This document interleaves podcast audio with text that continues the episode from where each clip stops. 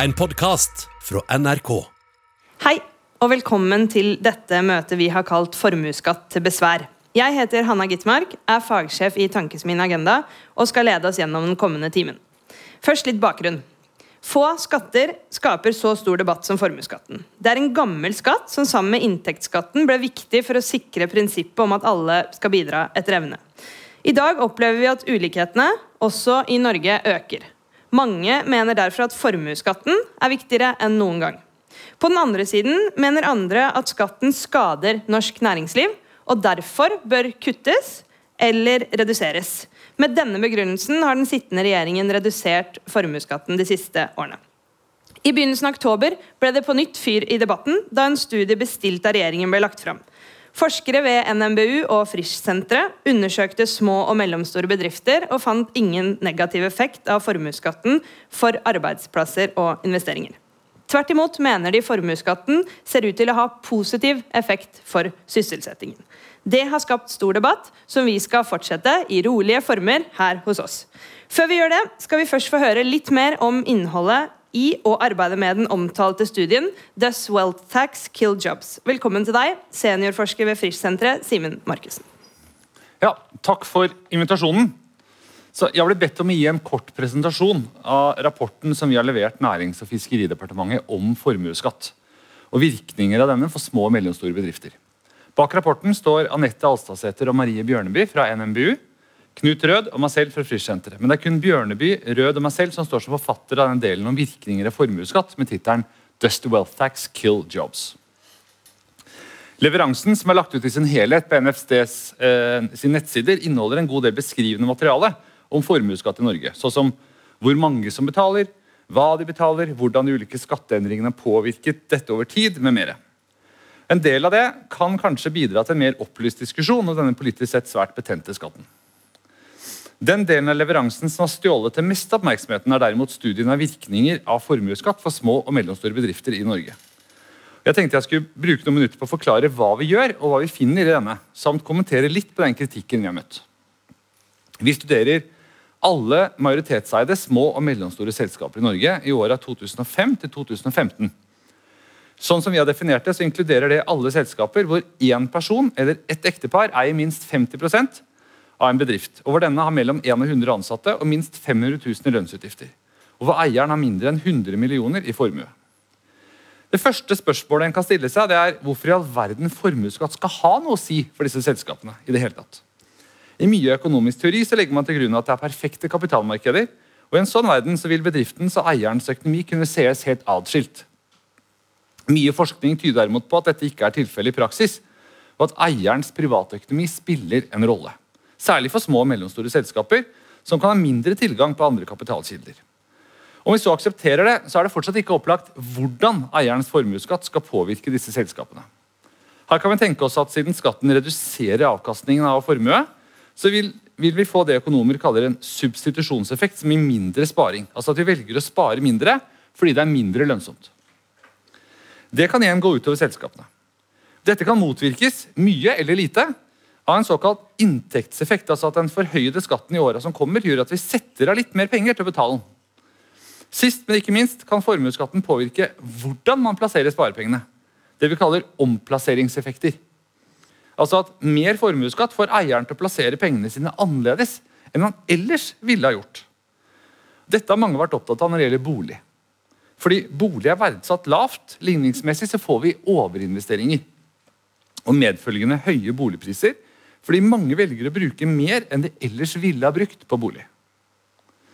Det har vært mindre fokus på at dette også er relevant for investeringer i unoterte selskaper. Når unoterte selskaper skal verdsettes av ligningsmyndighetene, så, så gjøres ikke det ut fra forventet fremtidig inntjening eller forventet salgsverdi, slik som tilfellet er for børsnoterte selskaper. Årsaken er at Siden selskapet ikke omsettes i noe marked, så vet vi heller ikke hva det er verdt. I stedet så gjøres det til bokførte verdier av identifiserbare eiendeler. Har selskapet penger på bok, ja, så inngår det. Hvis du kjøper en maskin, ja, så inngår det. Men om selskapet bruker ressurser på forretningsutvikling, eller f.eks. ved å bruke eksterne konsulenter eller egne ansatte, eller kompetansebygging blant de ansatte, ja, så vil ikke det inngå i verdsettelsen. Selv om dette ofte er investeringer som forventes å gi inntekter på sikt, inngår ikke dette noe sted annet enn som utgifter. Det gir altså mulighet for vridningseffekter i favør av slike investeringer på bekostning av alternative måter eieren kan plassere sparepengene på, i eller utenfor selskapet. En mulig konsekvens kan være økte investeringer i form av lønnskostnader som bidrar til å utvikle selskapets verdi. Så hva er det vi gjør i vår studie? Jo, Siden 2005 har det vært en rekke større og mindre endringer i formuesskatten. Nær sagt hvert år endres bunnfradraget, og over tid er det færre av disse eierne som i hele tatt betaler formuesskatt. Andelen som betaler formuesskatt, har over disse åra falt fra om lag halvparten til rundt en tredel. Av andre vesentlige endringer så er det verdt å nevne fjerningen av aksjerabatten fra 2006 til 2008. For de rikeste så utgjorde denne ganske mye. Endra verdsetting av primærbolig, sekundærbolig, hytter og næringseiendom. Og selvfølgelig reduksjon i satsen fra 1,1 til 1 blank, og deretter 0,85% i åra 2014 til 2015. Etter dette så har det vært gitt ganske vesentlige lettelser i skattlegging av såkalt arbeidende kapital, som vel egentlig omfatter alt av aksjer. Det vi gjør i vår studie, er å studere sammenhengen mellom formue, herunder nivå og sammensetning, og bedriftens utfall. Og mer spesifikt hvorvidt denne sammenhengen endrer seg når reglene for formuesskatten endres. Litt enkelt forklart så kan vi tenke oss at bedrifter med rike og ikke fullt så rike eiere gjør det systematisk forskjellig.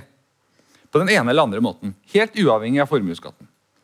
Det vi studerer, det er hvorvidt disse forskjellene blir større eller mindre i takt med at skatten endres. I alle studier av effekter vil man alltid måtte gjøre minst én vesentlig antakelse som man aldri helt kan få verifisert om er riktig. I et legemiddelforsøk vil vi måtte anta at de som fikk medisin, de, de ville gjort det sånn som de som fikk sukkerpille, dersom de ikke hadde fått medisin. Og Det kan man ofte være ganske sikker på at er riktig, fordi man har tilfeldig bestemt hvem som skal få det ene og det andre. I tilfelle med formuesskatt så har vi selvfølgelig ikke noe sånt randomisert eksperiment. det skulle tatt seg ut. Og Det gjør at antagelsene vi må gjøre, er sterkere. I vår studie så må vi anta at i den grad den systematiske sammenhengen mellom eierens formue og bedriftens utfall endres i takt med at skatten endres, ja, så skyldes det skatten. Dette er det som ofte kalles den identifiserende antagelsen, og det er på mange måter den studien hviler på. Og Det er da forskernes jobb å forsøke å teste hvorvidt det er sannsynlig at denne antagelsen er oppfylt. Men vi vil aldri kunne verifisere det. Da måtte vi hatt en slags tidsmaskin, hvor de samme bedriftene kunne vært observert flere ganger med ulike skatteregimer, men det alt annet var helt likt. Arbeidet har fått kritikk fra mange hold. Noe saklig, noe usaklig, noe nøkternt fremført og noe mer ropert. Om vi skal være litt konstruktive, og det skal vi jo, så tror jeg det er rimelig å si at kritikken vi har fått fra faglig hold, først og fremst dreier seg om hvorvidt vi har gjort nok for å sannsynliggjøre den identifiserende antakelsen. At den er oppfylt. Og delvis også om at selve designet i vår studie ikke er så gjennomsiktig som man kanskje kunne ønske seg. Dette siste er jo noen grad en konsekvens av at skatteendringene er ganske kompliserte og går i ulike retninger. Og på sett og vis så er det samtidig en styrke. Skatten endrer seg i ulike retninger også i samme år, avhengig av formuesnivå og sammensetning. Noe som i mine øyne gjør det mindre sannsynlig at effektene vi finner, drives av andre spuriøse forhold. Samtidig er gjennomsiktighet viktig, fordi det gjør det lettere å vurdere om forutsetningene arbeidet bygger på, er rimelige. Og vi vil forsøke å bedre dette. Vi forsøker nå å bruke disse innspillene til å teste enda grundigere om våre funn er robuste, gjøre studien mer gjennomsiktig og til å forklare funnene bedre. Vi tror vår studie vil stå seg godt, men det er det til syvende og sist opp til andre å vurdere. Det kanskje viktigste nye er at vi nå også studerer om sammenhengen mellom eiers formue og bedriftens utfall er annerledes når skatten endres, før den endres. Altså, Finner vi effekter eller effekter i hermetegn, av skatteendringer før skatteendringen har funnet sted? Og Det gjør vi ikke. Samtidig er det helt umulig for mine kolleger her som skal delta i diskusjonen, å forholde seg til dette uten å få en grundigere presentasjon hva er, av, av, enn hva som er mulig å gjøre her og nå. Så kanskje må vi bare la det ligge inntil videre. La meg så kort redegjøre for hva vi finner. Vårt hovedfunn er at én krone mer i formuesskatt to år frem i tid øker bedriftens lønnskostnader med ca. 30 øre. Og Vi tolker det som en omplasseringseffekt, sånn som jeg beskrev over. Vi finner ingen effekt på investeringer i varige driftsmidler. Derimot så finner vi at formuesskatt gir noe reduksjon i eiernes utbytte og lønn fra selskapet, og noe økte likvide midler i selskapet. Resultatene våre tyder altså ikke på at investeringene vris fra realkapital til humankapital i bedriften men at eierne investerer noe mer i bedriften i form av humankapital.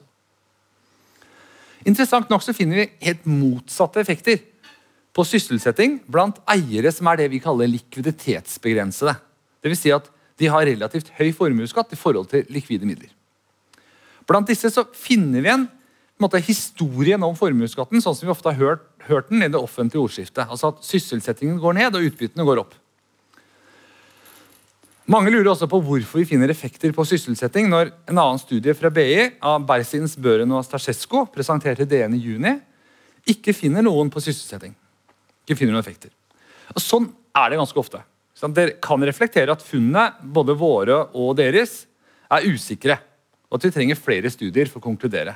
Men det kan også reflektere at de studerer en skatteendring det ikke var så lett å vri seg unna. Nemlig endra boligverdsetting.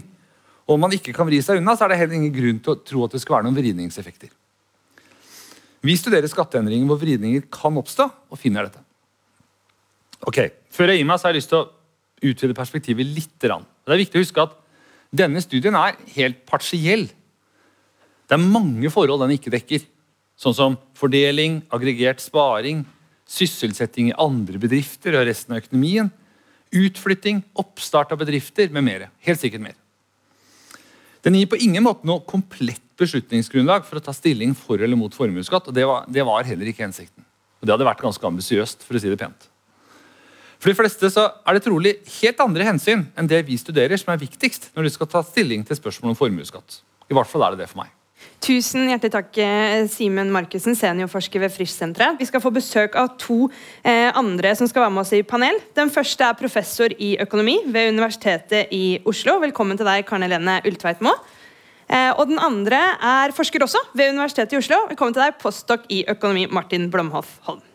Vi skal i dag diskutere både formuesskatten litt mer eh, generelt, og også kapitalbeskatning i et enda bredere perspektiv. Men før vi gjør det, så vil jeg gjerne at vi dveler litt ved denne studien som, som seniorforsker ved Frischsenteret Simen Markussen nå har presentert. For den har jo skapt stor debatt, og den debatten må jo sies også kunne ha vært altså, ganske tilspisset. Eh, Karen Helene Ultveitmo, hva, hva, tenker du om det eh, Simen Markussen her presenterer? Ble du overrasket over de funnene denne studien viste? Ja, jeg ble overrasket da de kom med funnene.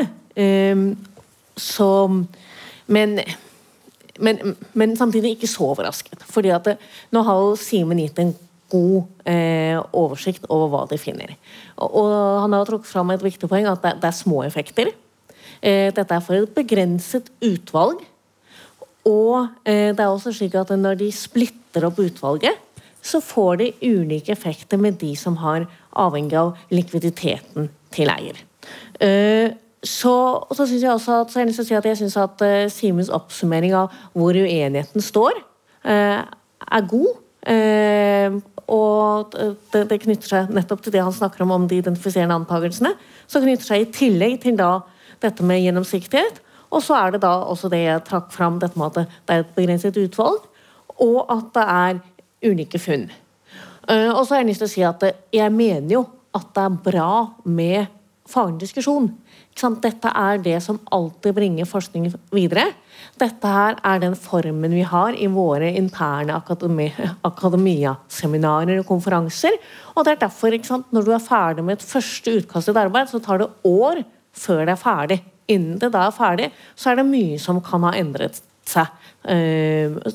Men ikke alltid slik at resultatene er blitt annerledes, men at man, man eventuelt er blitt sikrere på dem. Uh, og så syns jeg det er synd når diskusjonen blir så tilspisset som den nå har blitt. Uh, det syns jeg vi skal være uh, Jeg syns at vi skal være mer voksne enn som så. Det gir et inntrykk av at akademia er en form for sånn hønsegård. Det tror jeg ikke er noe bra for vår profesjons rykte. Slik at jeg syns det er veldig bra at vi har da denne debatten her i dag, i da rolige og anstendige former, uten ropert. Mm. Martin Bromholf Holm, hvordan uh, opplever du uh, debatten, og, hva er dine innvendinger eller um, synspunkter på studien? Nei, Jeg også opplever debatten som til dels litt vel tilspisset. så jeg kan, jeg kan støtte det Karne Lene sa. Eh, når det er sagt, så vil jeg jo si at eh, noe av kritikken som kommer frem, er jo berettiget. og Det tar jo Simen opp også i det at de undersøker flere ting. og Dette er helt normalt. Eh, og Da blir det bare spennende å se hva, hva, som, hva resultatet er av de supplerende analysene eh, videre. da. Simen Markussen, hva eh, tenker du? Nå har jo du gitt en god oppsummering både av studiene og av debatten. egentlig. Hva tenker du om de kommentarene Karne Lenne Ultveit Moe og Martin Blomholt har her? Nei, jeg er helt enig i kommentarene de kom med. Eh, men jeg, jeg kan si sånn, jeg skal være så ærlig som å si at, at altså, diskusjonen rundt dette Jeg syns det har vært litt slitsomt. Eh, I noen grad er det kanskje noe man må tåle. Eh, noe av kritikken har vært saklig og konstruktiv. og Det skal vi da forsøke å bruke videre. Jeg tror aldri jeg har sendt en artikkel til tidsskrift og ikke fått tilbakemeldinger om at man må gjøre mer om identifikasjon og mer om sant, teste mer og sånn. Det, det er ganske vanlig. Mm. Eh, men så synes jeg også, og det skal vi bruke til å gjøre studien bedre Noe av kritikken synes jeg kanskje også har vært litt usaklig og misvisende. Det har vi forsøkt å si fra, men da tippa kanskje vi også litt over. da. Eh, det er mulig. Eh, I tillegg til den mer sånn faglige kritikken så har vi også blitt utsatt for ganske mye sånn, skal jeg si, politisk mistenkeliggjøring. Eh, som jeg syns har vært ganske usaklig og litt ubehagelig, på en måte. Eh, Senest i Aftenposten i går. Ja. Vi lar eh, diskusjonen om denne studien spesielt ligge. Men vi er altså eh, på Kulturhuset i Oslo i dag for å snakke om skatt, og spesielt formuesskatt. Um, men nå skal vi snakke om, om formuesskatt litt mer generelt. og En av grunnene til at denne studien skapte stor oppmerksomhet, skyldes i hvert fall sånn som jeg opplever det, at vi totalt sett vet ganske lite om effekten av denne skatten. Vi har jo hatt et ganske stort utvalg som ble ledet av Hans Henrik Scheel, som så på kapitalbeskatning i internasjonal økonomi, som argumenterte for at formuesskatten med noen endringer burde bestå. Og Så kom et annet utvalg etterpå, ledet av Aksel Mjøs ved NHH, som konkluderte eh, motsatt at formuesskatten bør avskaffet. Så da spør jeg dere, da, basert på det vi vet av studier, analyser, eksempler fra det offentlige eh, ordskiftet, er det sannsynlig, eh, syns dere, at formuesskatten er skadelig for norsk næringsliv? Begynner med deg, Karne Lenne. Jeg er ikke sikker på om hvor mye vi får ut av dette med er det skadelig eller ikke. Fordi at det, alle skatter er i utgangspunktet skadelig. For det er nesten ingen skatter som ikke da har en negativ effekt på det vi kaller for effektivitet.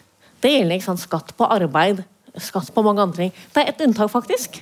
Grunnrenteskatt er, har kjempegode egenskaper fra et sånn samfunnsøkonomisk perspektiv. Men det skal vi diskutere Vi kan lese mer om det i et utvalg som du Ja, det kan man lese mer om i et annet Og miljøavgifter.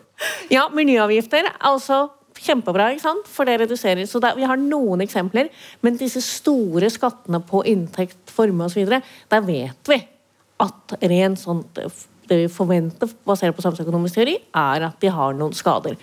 Og så er det spørsmålet er hvor store de er. Men jeg oppfatter at den politiske diskusjonen handler jo ikke egentlig om dette. Det handler om hvor mye progressivitet vil vi ha i skattesystemet, og så handler det om balansen mellom skadevirkninger og progressivitet. Og så har du trukket fram eh, to utvalg, men jeg kan fortelle deg at jeg har sittet siste utvalg, som var før disse to andre, som også var et skatteutvalg, eh, som var det utvalget som da foreslo eh, den, den utbytteskatten som vi i dag har. Eh, og den, det var på et tidspunkt hvor det ikke var noen utbytteskatt. Det var en temporær utbytteskatt. Det vi foreslo, var at man skulle innføre en, da, en permanent utbytteskatt, som er den som vi har i dag, men at man samtidig skulle fase ut formuesskatten. Og det var basert på da at um, vi observerte uh, da internasjonale kapit kapitalmarkeder, stor grad av mobilitet. Og det vi også vet fra skatteteori, er at vi ønsker å plassere skattetrykket, når vi har da, tar på oss de brillene som handler om effektivitet, på det som ikke beveger seg. Så vi anbefalte å kutte ut formuesskatten, legge større eh, vekt på beskatning av fast eiendom, eh, skjerpe arveavgift og eh, samtidig innføre utbytteskatten. At det, og så har så etter hvert så har man så viser jo nettopp Jeg tror at det som når da et senere skatteutvalg kommer til at den skal beholdes, så handler det om at i den perioden fra da to, rundt 2003 og frem til i dag, så har det skjedd en utvikling på ulikhetssiden som gjør at dette altså fordelingsperspektivet for alle sider tror jeg det er riktig å si, har blitt oppfattet som viktigere. Og det er jo her formuesskatten egentlig er, er veldig bra, og det er det som også gjør at det er vanskelig å ta den bort. Den har noen veldig gode fordelingsegenskaper når vi ser på hvem som faktisk betaler den. Mm. Vi skal komme tilbake til dette med forholdet mellom formuesskatt og andre skatter på kapital og eiendom, men Martin Blomholt Folm, eh, i en kronikk i DN så skriver du at da holder du denne studien til til forskerne ved NMBU og Frisch-senteret opp mot denne studien fra BI, og så sier du at kanskje oppsummert kan vi si at ikke skatten ser ut til å ha noen effekt på sysselsetting. Eh, så hva svarer du på dette litt sånn store spørsmålet, da? Om det går an å konkludere basert på det eh, begrensede informasjonen vi har om, om skatten, eh, har så store skadeeffekter da, at vi bør kvitte oss med den? Ja, altså Det første er jo Begge de studiene ser på kortsiktige effekter på sysselsetting. Jeg tror det er vanskelig å hevde at formuesskatt er et godt tiltak for å kortsiktig stimulere sysselsetting. Så er spørsmål sysselsetting på lengre sikt. Det vet vi veldig lite om. Jeg tror Hvis man skal ta noe ut av den forskningen, så ser det ut til at hvis det er noen firmaer eller noen segmenter av firmaer som vil bli påvirket spesielt mye av formuesskatt, så er det kanskje Små selskaper som er egenkapitalisert finansiert og er avhengig av eierens finansiering. Så Hvis det er noe man skal gjøre, i hvert fall med det man vet så langt, så er det kanskje å, eh, at formuesskatten kan være spesielt skadelig akkurat i det segmentet av firmaer. Eh, men da er det andre tiltak enn å senke formuesskatten generelt. Da er det helt eh, i stedet å ha, altså endre formuesskatten og endre bunnfradrag for, eksempel, for å Eh, gjøre det enklere for akkurat det segmentet av firmaer. Jeg vil også spørre deg, Simen Markussen, Du understrekte jo også her, og det har du gjort i presentasjonen av studien, at dere ser jo på, på én del. Eh, dere kan ikke basert på denne studien konkludere på om, om politikerne skal kvitte seg med skatten eh, eller ikke. Men hvis du tar inn over deg det andre begrensede, da. Vi vet. Hva er din oppfatning om, om skadeeffektene av formuesskatten? Nei, jeg, jeg, altså, jeg er enig med utgangspunktet til Karen Helene at alle, alle, skatter er skadelige. Utgangspunktet. Så spørsmålet er på en måte, er denne mer skadelig enn noe annet. Kan vi oppnå de samme kan vi for oppnå de samme fordelingsvirkningene på en mindre skadelig måte? Eh, det kan hende. Det sies ofte at det er mange andre land som ikke har formuesskatt. Eh, eller nesten alle andre land har ikke formuesskatt. Og det er jo riktig, men de har da en del andre ting. da. Mange har arveavgifter, f.eks. Mm. Sånn at Jeg vet ikke om det er riktig å si at, at, norske, at norsk kapital skattes spesielt hardt. Det tror jeg ikke det gjør. Så jeg, I utgangspunktet så tror jeg formuesskatt er en god idé, men jeg tror hovedproblemet er at den bør kanskje legges om litt. Mm. Vi bør fjerne alle disse verdsettingsrabattene, sånn at vi får, får mindre sånne vridninger der. Og heller da kanskje heve bunnfradraget en, en ja. god del, sannsynligvis. Vi kommer tilbake til det. Jeg vil bare først også stille et litt sånn spørsmål om dette med sparing. Du var inne på det også, for formuesskatten er jo en skatt på sparing. Er det noe ved den økonomiske situasjonen eller de tallene vi vet som tyder på at vi sparer for lite i Norge i dag? Det er, jo, altså, det er generelt en global debatt om at ja, det spares ja. for mye i verden. Så, ja. Men så er det også usikkert i hvilken grad formuesskatten har noe effekt på sparing. Eh, det finnes jo en studie på norske data på dette. Mm. Eh, av Marius Ring, eh, som ser på da, endring i verdsettelse av bolig. Hvor han finner at da i terminologien som brukes i økonomi, at inntektseffekten do, dominerer. Som vil si at med økt formuesskatt så økte disse husholdningene sparingen sin. Så det er veldig vanskelig å si eller om noe styrer på at det er motsatt effekt. Uh, om det har noen effekt på sparing i det hele tatt. Mm. Ja. I tillegg så må vi da huske at Det er en trend på bare en 10% som betaler formuesskatt. Så hvis man mener at formuesskatten så, altså Hvis formuesskatten ødelegger for sparing, så må det i så fall være blant de 10 prosentene. Mm. Mm. Ja, og så føler jeg det, hvis jeg kan si, jeg føler at det altså blir litt sånn sidespor i forhold til ja. det som er. ikke sant? Det er, det er to ting vi er opptatt av i forhold til skatt. Eh, vil jeg si. Det ene er at vi trenger skatt for å finansiere velferdsstaten. Og det andre er at vi ønsker at eh, skatten skal ha en innretning, slik at den bidrar til omfordeling. Synes jeg at uh, Simen sa det veldig godt, Og så blir det springende punktet. Hvilke skatter kan vi få, hvilke, hvordan kan vi få skatter til å bidra til omfordeling på en minst mulig skadelig måte? Mm. Det er der vi er. Ja. Vi skal sette de ulike skattene litt opp mot hverandre, men jeg vil bare eh, ha noen spørsmål eh, til først om formuesskatten. Eh, Så jeg tenkte vi kunne gå gjennom bare noen argumenter som ofte dukker opp i diskusjonen om formuesskatt. Eh, Og et av de er jo at formuesskatten er en skatt på norsk eierskap. Og jeg lurer på hva dere tenker om det argumentet. For, for det er vel sånn at formuesskatten følger formuen uansett hvor den er plassert. Og litt sånn som du sa, så er det ikke noe som indikerer at vi skatter kapitalen noe mer enn andre eh, land. Så holder det argumentet? Er det på en måte sånn, Hvis du er norsk eier i dag, er det riktig, er det en, er det en grei oppfatning at man føler at eh, ens eierskap eh, på en måte skattlegges mer enn enn konkurranse fra eiere fra andre land? Nei, Jeg vil si at det er riktig å si at det er en skatt på norsk eierskap. For den er en skatt på? Den og utbytteskatten er begge deler da skatter som da kun da påløper dersom kapitaleier eh, bak et selskap er norsk. Så hvis du er en multinasjonalt selskap, så eh, ender så er det du da altså, så, er det du da betaler, er en selskapsskatt som vi over årene nå har redusert kraftig. Så, så en del av den, det skiftet vi har gjort de siste årene, med å senke den, da, eh, den eh, selskapsskattesatsen og samtidig øke utbytteskatten, det innebærer jo at vi har skiftet skattetrykket fra da internasjonale investorer over mot da norske kapitaleiere. Eh, Og det mener jeg er et høyst legitimt spørsmål å ta opp, om vi faktisk ønsker det. Simen Markussen, du hadde også en kommentar. Ja, altså, jeg tenker vel sånn at Formuesskatten er en skatt på norske eiere og egentlig norske rike. da. Sant? Men ikke, men ikke på det å eie. Det er en skatt på det å være rik, ikke på det å eie. Ja. Og det, og det påvirker da ikke lønnsomheten av å investere i Norge. Verken for norske eller utenlandske investorer. At norske eiere må betale formuesskatt, det betyr egentlig ikke at investeringen blir mindre lønnsom enn for en utenlandsk eier.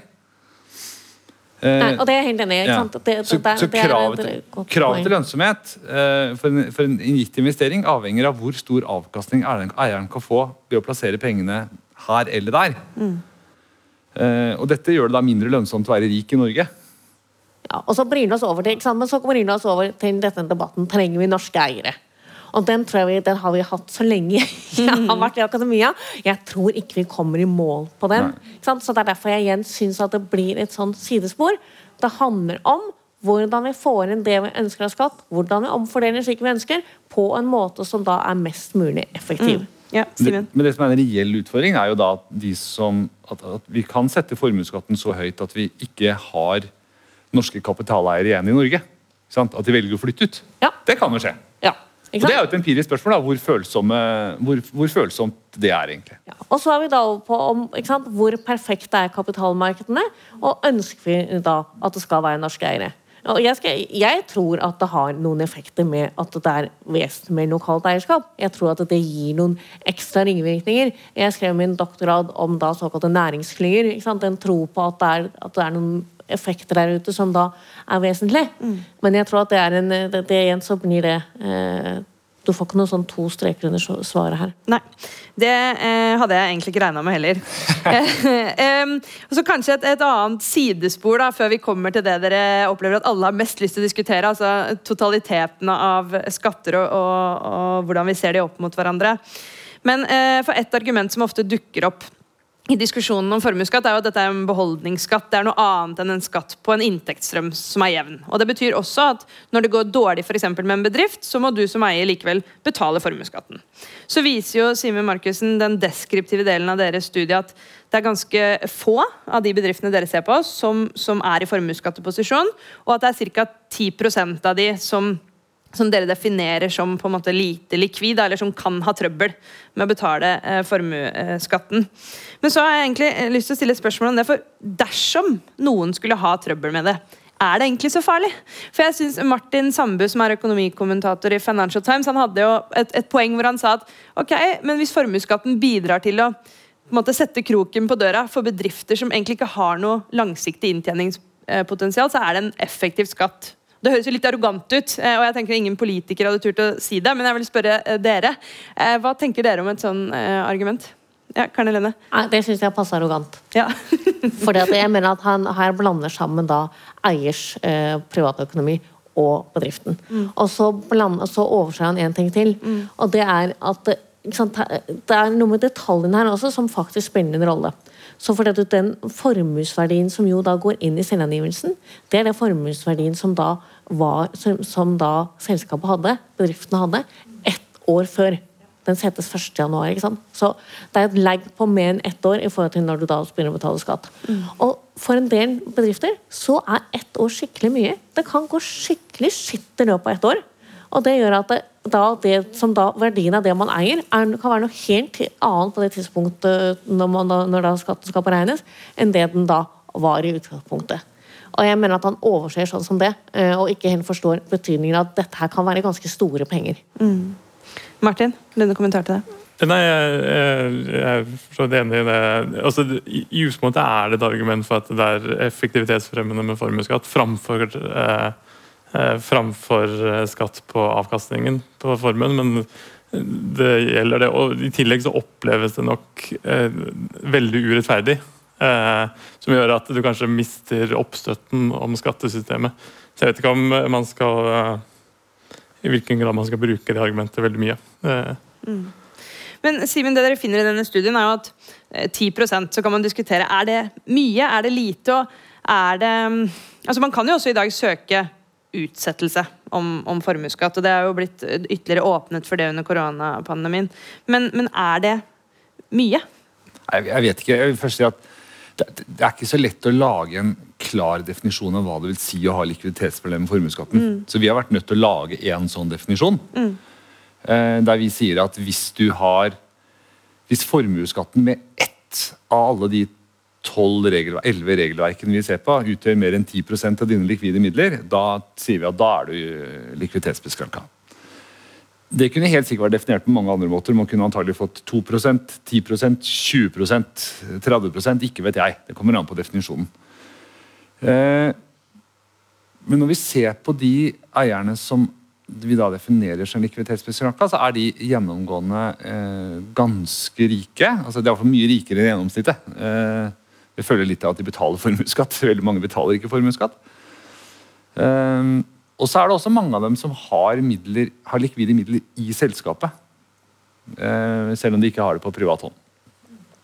Men jeg synes det er veldig vanskelig ja, å si noe generelt om dette måte er et problem. Altså, si, uh, noen bedrifter de går med underskudd fordi de ikke er lønnsomme. Kanskje de aldri vil bli lønnsomme. Da kan du si, da er kanskje dette argumentet som Sandbu bruker, godt. da. I andre tilfeller så kan de være lite lønnsomme fordi de er i en vekstfase. De venter på at det skal komme noe godt i enden av tunnelen. Og Da er det kanskje ikke fullt så heldig. Så kan du si Bedrifter som er i en vekstfase, hvor mye er de verdsatt til? Ja, Det kommer helt an på type bedrift. der, rett og slett. Så det, det er ikke så godt å si. Ehm, la oss diskutere litt mer utformingen av skatten. For det er jo, En ting er jo diskusjonen om vi skal ha den eller ikke. En annen er jo hvordan den bør se ut. Og Dere har alle vært innom eh, det litt. fordi en ting er jo hvordan ulike typer for formue verdsettes i skatten, og om man skal gi noen type formue rabatt. Og Det har jo regjeringen nå gjort eh, med betegnelsen arbeidende kapital. Hvor de ønsker da å skjerme, er tanken, den kapitalen som arbeider. Den som kan bidra til å skape produktivitet i økonomien. Hva syns dere om et sånt begrep? Karen Helene? Uh, ja, ikke, ikke noe sans for dette med arbeidende kapital.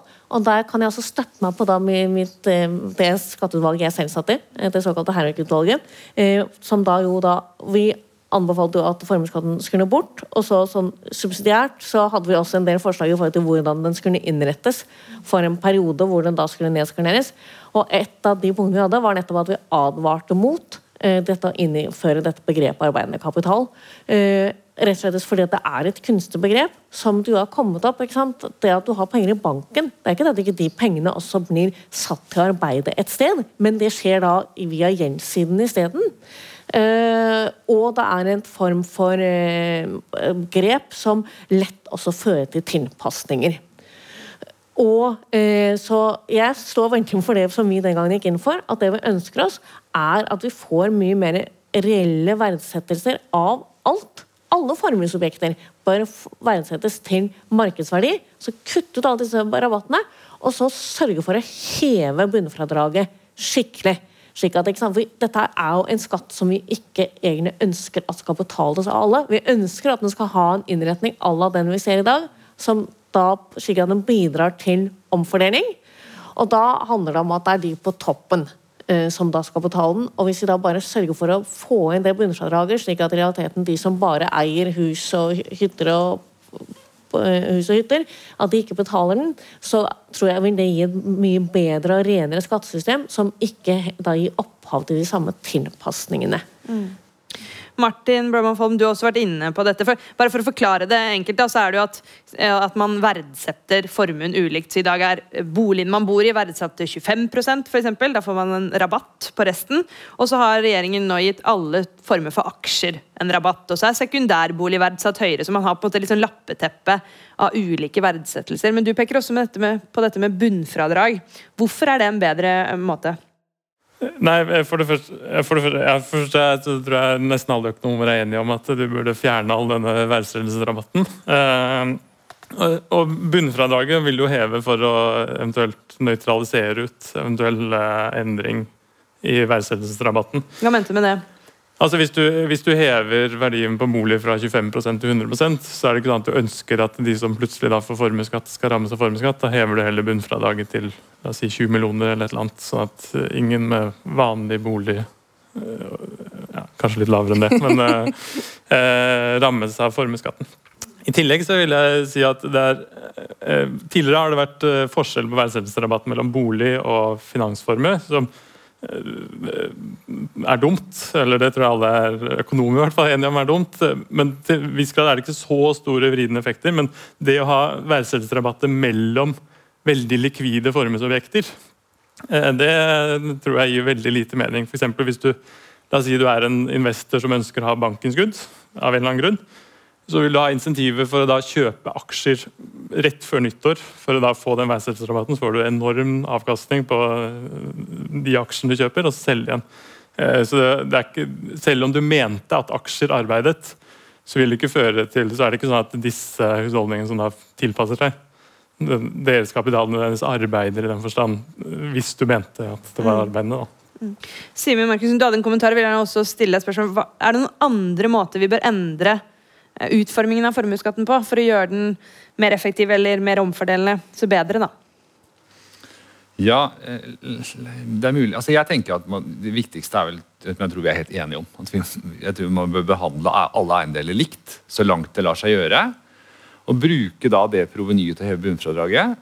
Jeg synes også man kanskje kunne, kunne diskutere En diskusjon som jeg aldri har sett, men som jeg kunne høre hva dere andre tenker om, er om man burde gjøre noe altså, når jeg var barn, så fikk jeg 10% rente på sparepengene mine i banken. Og formuesskattesatsen var vel omtrent den samme, tenker jeg. Er det liksom rimelig at den satsen bør alltid Skal den følge en eller annen form for avkastning, eh, eller burde det ikke det? Det kan man jo lure på om den er for høy nå. Uh, men man bør i hvert fall gjøre noe med, med, med verdsettingsregler. Prøve å gjøre det så likt som mulig. Eh, og på den måten dempe liksom de skadevirkningene. Så er det krevende når det gjelder unoterte selskaper. og helt Hvordan man skal få til det, det vet jeg ikke. Så jeg har bare lyst til å si en ting om dette med arbeidende kapital. At, at det er jeg tror det, Hvis jeg har skjønt det riktig, så er det sånn at arbeidende kapital trenger ikke å være spesielt arbeidende. Altså Den kan, den kan stå på en bankkonto på et unotert selskap uten å arbeide i det hele tatt og da kvalifisere for verdsettingsrabatt. Uh, og det er jo ikke det man, det er, er ikke det som er ønsket og ment. Men det betyr at du kan ta da de pengene dine og sette det det til et selskap uh, som du eier. Du kan ha det i banken, du kan få avkastning over dette skjermingsfradraget. Som du kan jo til og med få ut normalavkastning skattefritt. Og det tror Jeg ikke er, jeg tror ikke det er det man ønsker, men man skaper, jeg er redd for at man med dette her skaper et sånn skattehull. da. Ja, Men det var, akkurat derfor vi advarte mot dette her da for mange år siden. At vi mente at det, det gir tilpasninger, og så gir det da noen ut, utiltenkte da skjevheter, eh, avhengig av hvordan man investerer. Slik at eh, ja, Jeg mener virkelig at det hadde vært veldig mye mer at vi hadde kommet oss over på en lik verdsettelse. Og så er Det jo ikke sant, det som ligger i bånn her, er jo det at fra et sånt effektivitetssynspunkt så ville vi helst lagt mye mer skattetrykk på da det som ikke beveger seg, altså eiendom, og mindre på det som beveger seg. eh, det, det skulle jo tilsi at vi helst skulle på en måte rykket hadde en verdsettelse på eiendom som var høyere enn på da eh, finanskapital. da. Men det ønsker jo samtidig. Men da kommer fordelingspoenget inn. at Skulle vi gjøre det, så blir det, får vi en, altså en, altså det motsatte av en progressivitet i skattesystemet, så det fnyr ikke. ikke så det er derfor, og da blir det til at, i hvert fall i mitt hode, så det som best ivaretar flere hensyn her, er å få like verdsettelser, kutte ut disse begrepet arbeidende kapital, og så få opp bunnfradraget, slik at vi beholder de egenskapene det har. Hva med dette spørsmålet fra Simen, da, om man kunne sett på satsen? Om den burde variere litt ut fra Var det det du tenkte? ikke sant? Ut fra uh... ja, Det er vanskelig å lage et system der den følger liksom avkastningen. Da. Jeg vet ikke helt. Jeg, jeg, det er, er altså, jeg er veldig skeptisk ja. til, til, ustabile skattesystemer. Mm. Ja. jeg, jeg, er helt enig. Er helt enig. jeg, mener at, at noe av det, det, som er bra med et skattesystem, er at det i stor grad er forutsigbart og stabilt over tid. For det gir også da at vi får færrest da skattemotivert atferd. Mm. Men det er bra å kaste opp litt nye tanker likevel. Eh, Martin Blomhoff, du peker, nå skal vi bevege oss litt inn mot å se formuesskatten opp mot andre skatter. og Da vil jeg først ta tak i et poeng som du også hadde eh, i en kronikk i DN. at du, Hvis man er opptatt av effektene på sysselsetting, eh, så burde vi heller diskutere Eh, å redusere mer direkte skatter på sysselsetting framfor formuesskatten, som, jo, eh, som kan være en indirekte skatt da, på sysselsetting. Hva mente du da? Ja, eh, Poenget der er jo nettopp det du sier. at det er jo veldig, Hvis du faktisk var interessert i å stimulere sysselsetting, så er det veldig merkelig å velge en indirekte skatt på eieren framfor en skatt som går direkte på sysselsetting. Eh, så sånn sett er hele det at man har fått inn at sysselsetting skal være et godt argument for å endre formuesskatten, et uh, merkelig argument. Uh, poenget her er krone for krone, altså hva får du ut av uh, å endre formuesskatten til like mye som du endrer en annen skatt, f.eks. Det var jo i, i, i, forarbeidet jeg tror, til Scheel-utvalget så så Menon tror jeg, på en endring hvor de sammenlignet endringen i formuesskatten, bedriftsskatten og utbytteskatten, og så de på investeringseffekter. Og der, også, der fant de at krone for krone så var bedriftsskatten ga eh, sju ganger så stor effekt tror jeg, på investeringer enn formuesskatten. sånn at det å bruke og det illustrerer kanskje poenget, at det å bruke direkte skatter på det du ønsker å endre, eh, er nok et mer effektivt virkemiddel per krone. Så nå har vi beveget oss altså i denne diskusjonen fra, eh, fra denne studien eh, spesielt bestilt av regjeringen, til en litt bredere diskusjon om formuesskatt. Og nå er vi på vei inn i en, en enda bredere diskusjon om hvordan vi kan se formuesskatten opp mot andre skatter. Eh, så, så vi skal fortsette litt eh, med det. For formuesskatten er jo per krone den mest omfordelende skatten vi har. Eh, men, men, gitt at det stemmer, da, sånn som også du har forklart godt, eh, Karen Helene, at den, den, kan ha noen skadeeffekter på lik linje med andre eh, skatter. Men, men, er det noen bedre alternativer for å oppnå det, det, vi, det vi, vil, da? Ja, utbytteskatt. Mm. Eh, og utbytteskatt har vi. Mm. Og, den, og hvis man ser på da f.eks. de siste da, tallene som ligger nå i, i statsbudsjettdokumentene, så viser jo de at den nettopp har bidratt til en progressivitet i skattesystemet. Så er den, Selv om det nå er mange år siden den ble innført, så tar det tid før den virkelig slår ut. Og Grunnen til det var fordi at da den ble innført, så var det en overgangsperiode som ga mulighet for tilpasning.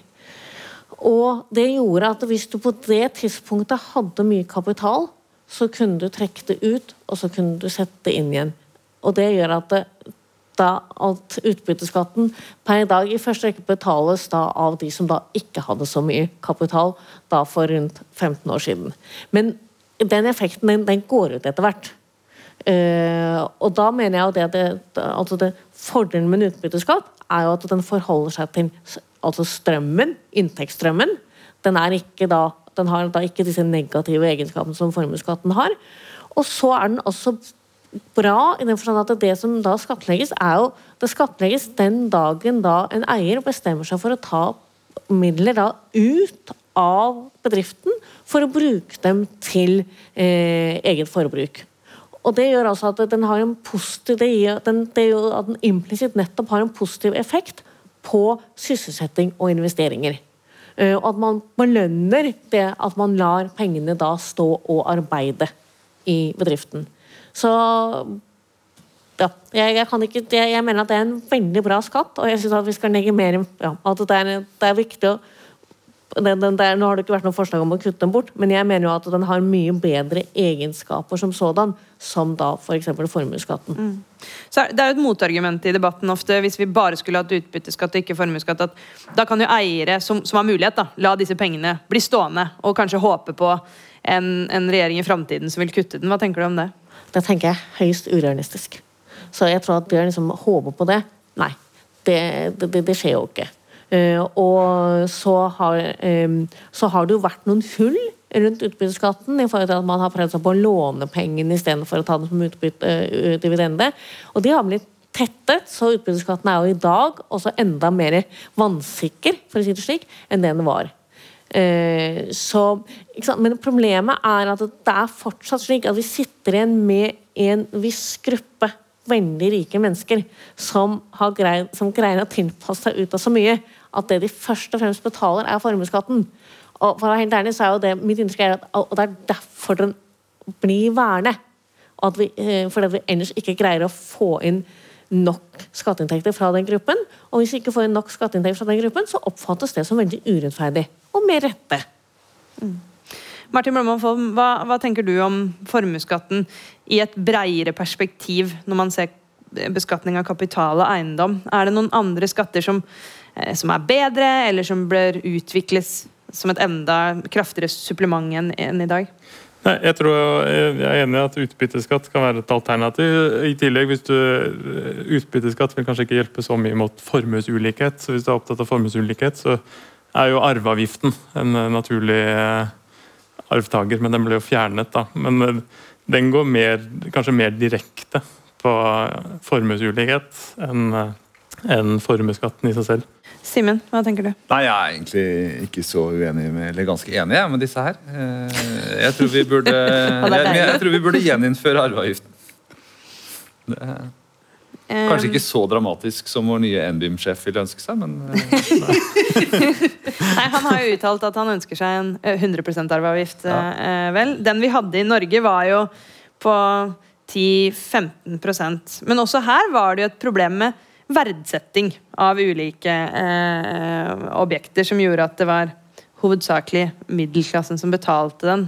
Er, er det et løsbart problem? Nå avviker jeg litt fra manus her, så det er lov å ikke Men dere er flinke, så jeg tenker at dere sikkert har noen tanker om det. Ja, det, kan jo, det der kan du fikse med en del bunnfradrag. Du ønsker ikke at det skal være den, de som har den ene hytten på fjellet, som ikke har råd til å arve den. Det er ikke de du ønsker å ta. Og hvis du har bunnfradraget høyt nok, så, hjelp, så håndterer du en god del av det der, tenker jeg. ja, men no, Noe av spørsmålet er vel også om man klarer å verdsette eksempel unoterte selskaper godt nok. Ja, altså det, tror, vil- det tror jeg er vanskelig. Ja? Og det, Ja. det, det kommer vi ikke unna. Det er alltid vanskelig. Og det er jo også ikke sant, det er denne, denne regnskapsakrobatikken som jo også da de med større ressurser har mer evne til å utføre. Den, den er det skikkelig vanskelig å komme utenom. Så jeg mener at det, men Derfor så må vi i størst mulig grad prøve å innrette systemet slik at ikke den får utspille seg så mye. Og det er da jeg mener at eksempel da ja, like verdsettelser og sånt er i hvert fall noe altså Samme verdsettelse av alt, altså type markedsverdi, er bedre. Men, men fortsatt, eh, det løser ikke alt. Så det Hva med eiendomsskatt, Martin Blommanfolm? Vi er jo også et, sammenlignet med andre, andre land, så skattlegger vi eiendom, altså fast eiendom, da, eh, mindre. Og hvis man setter det opp mot andre skatter, så er vel også meldingen fra økonomer ganske klar. Litt sånn som Karne Helene har sagt noen ganger, at det å skatte ting du ikke kan som ikke flytter på seg, eh, er lurt. Eh, ja, er du enig? Hvordan kunne vi eh, gjort, gjort det? Nei, Eiendomsskatt er, eh, I Norge skattlegges jo eh, boligformue ganske relativt lavt sammenlignet med andre land. Eh, Hvis du skal erstatte formuesskatten, så kan eiendomsskatt være et alternativ, fordi du ikke vil få disse effektene hvor folk flytter ut av landet hvis de fortsatt ønsker å bo her. Men, eh, Eller til Bø i Telemark? Nei, Bø i, eller til Bø i i Vesterålen. Ja, mm. Uh, uh, så det kan være Men først og fremst så vil jeg jo endre verdsettelsesrabatten i formuesskatten. Uh, og så eventuelt hatt noe eiendomsskatt. eh. Eh, Karin bare eh, litt før vi eh, går inn for landing her, så var du inne på dette med, med tilpasning som skjedde i dette eh, eh, området før utbytteskatten ble innført. Det, så nevnte du at det problemet vil på en måte jevne seg ut eh, over tid. da. Eh, er det mulig å tette de hullene på en annen måte mens vi på en måte venter? Mitt inntrykk er at det er det, Finansdepartementet holder på med en sånn gradvis tetning. Men det får ikke så mye oppmerksomhet som da andre ting hver gang statsbudsjettet legges frem. Det skjer sånn småtetning hele tiden. Slik at eh, jeg mener jo at vi er på riktig vei der. Eh, så jeg syns hvis jeg- Men, men jeg syns at det jeg synes at vi diskuterte for lite, det er den, at vi har redusert da selskapsskattesatsen såpass mye at vi har da gått fra da være de med noe med høyere eh, noe høyere selskapsskattesats til å nå være de som leder an.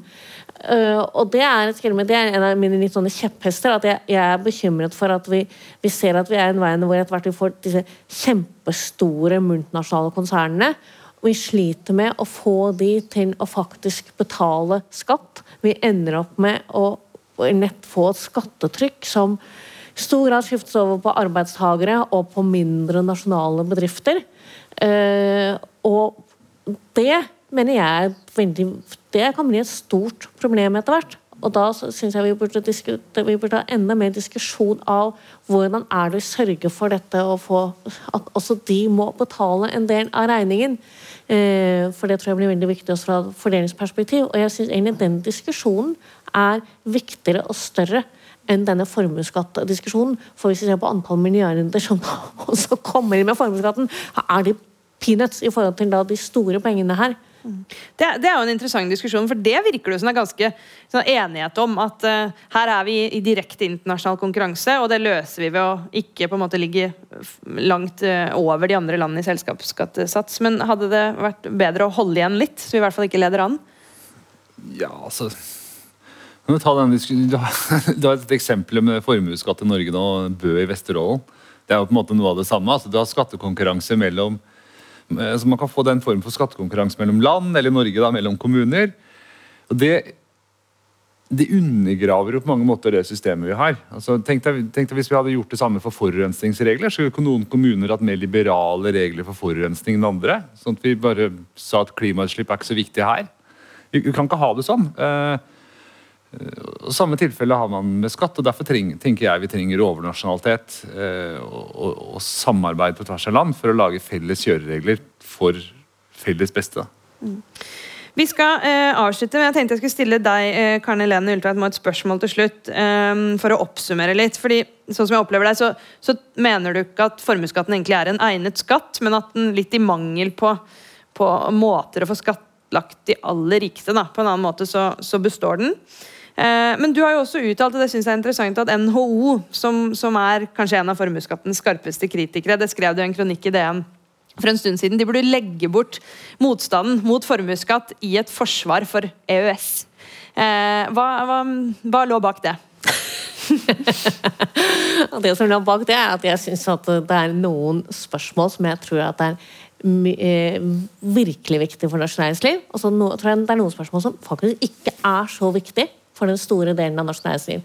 Så det var vel en sånn, litt sånn hjertesukk om at eh, jeg tror at det spiller mye større rolle for næringslivet, for eksempel da, at man har, bevarer EØS-avtalen, eventuelt får en utvidelse av EØS-avtalen som gjør at eh, la meg ta et godt, noe jeg synes er et godt eksempel. EØS-avtalen omfatter ikke fisk.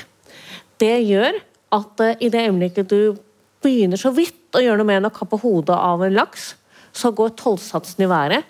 Og det som sådan gjør at det, er en klar beskrankning på hvor mye sysselsetting vi vil få eh, knyttet til foredling.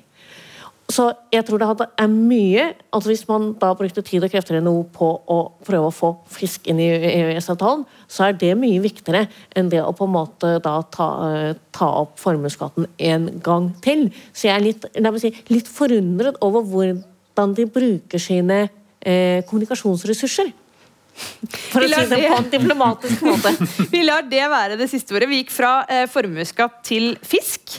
Eh, her på Kulturhuset i Oslo på Tankesmien Agendas møte med tittelen 'Formuesskatt til besvær'. Tusen takk til vårt veldig godt forberedte og opplyste fagpanel her i dag. Eh, professor ved Universitetet i Oslo, Karne Lene Ultveit Moe. Postdok ved Universitetet i Oslo, Martin Blomholt Holm. Og seniorforsker Simen Markussen ved Frischsenteret. Tusen takk til alle dere som fulgte med. Jeg håper vi har bidratt til å gjøre dere litt klokere. Ha en fin dag.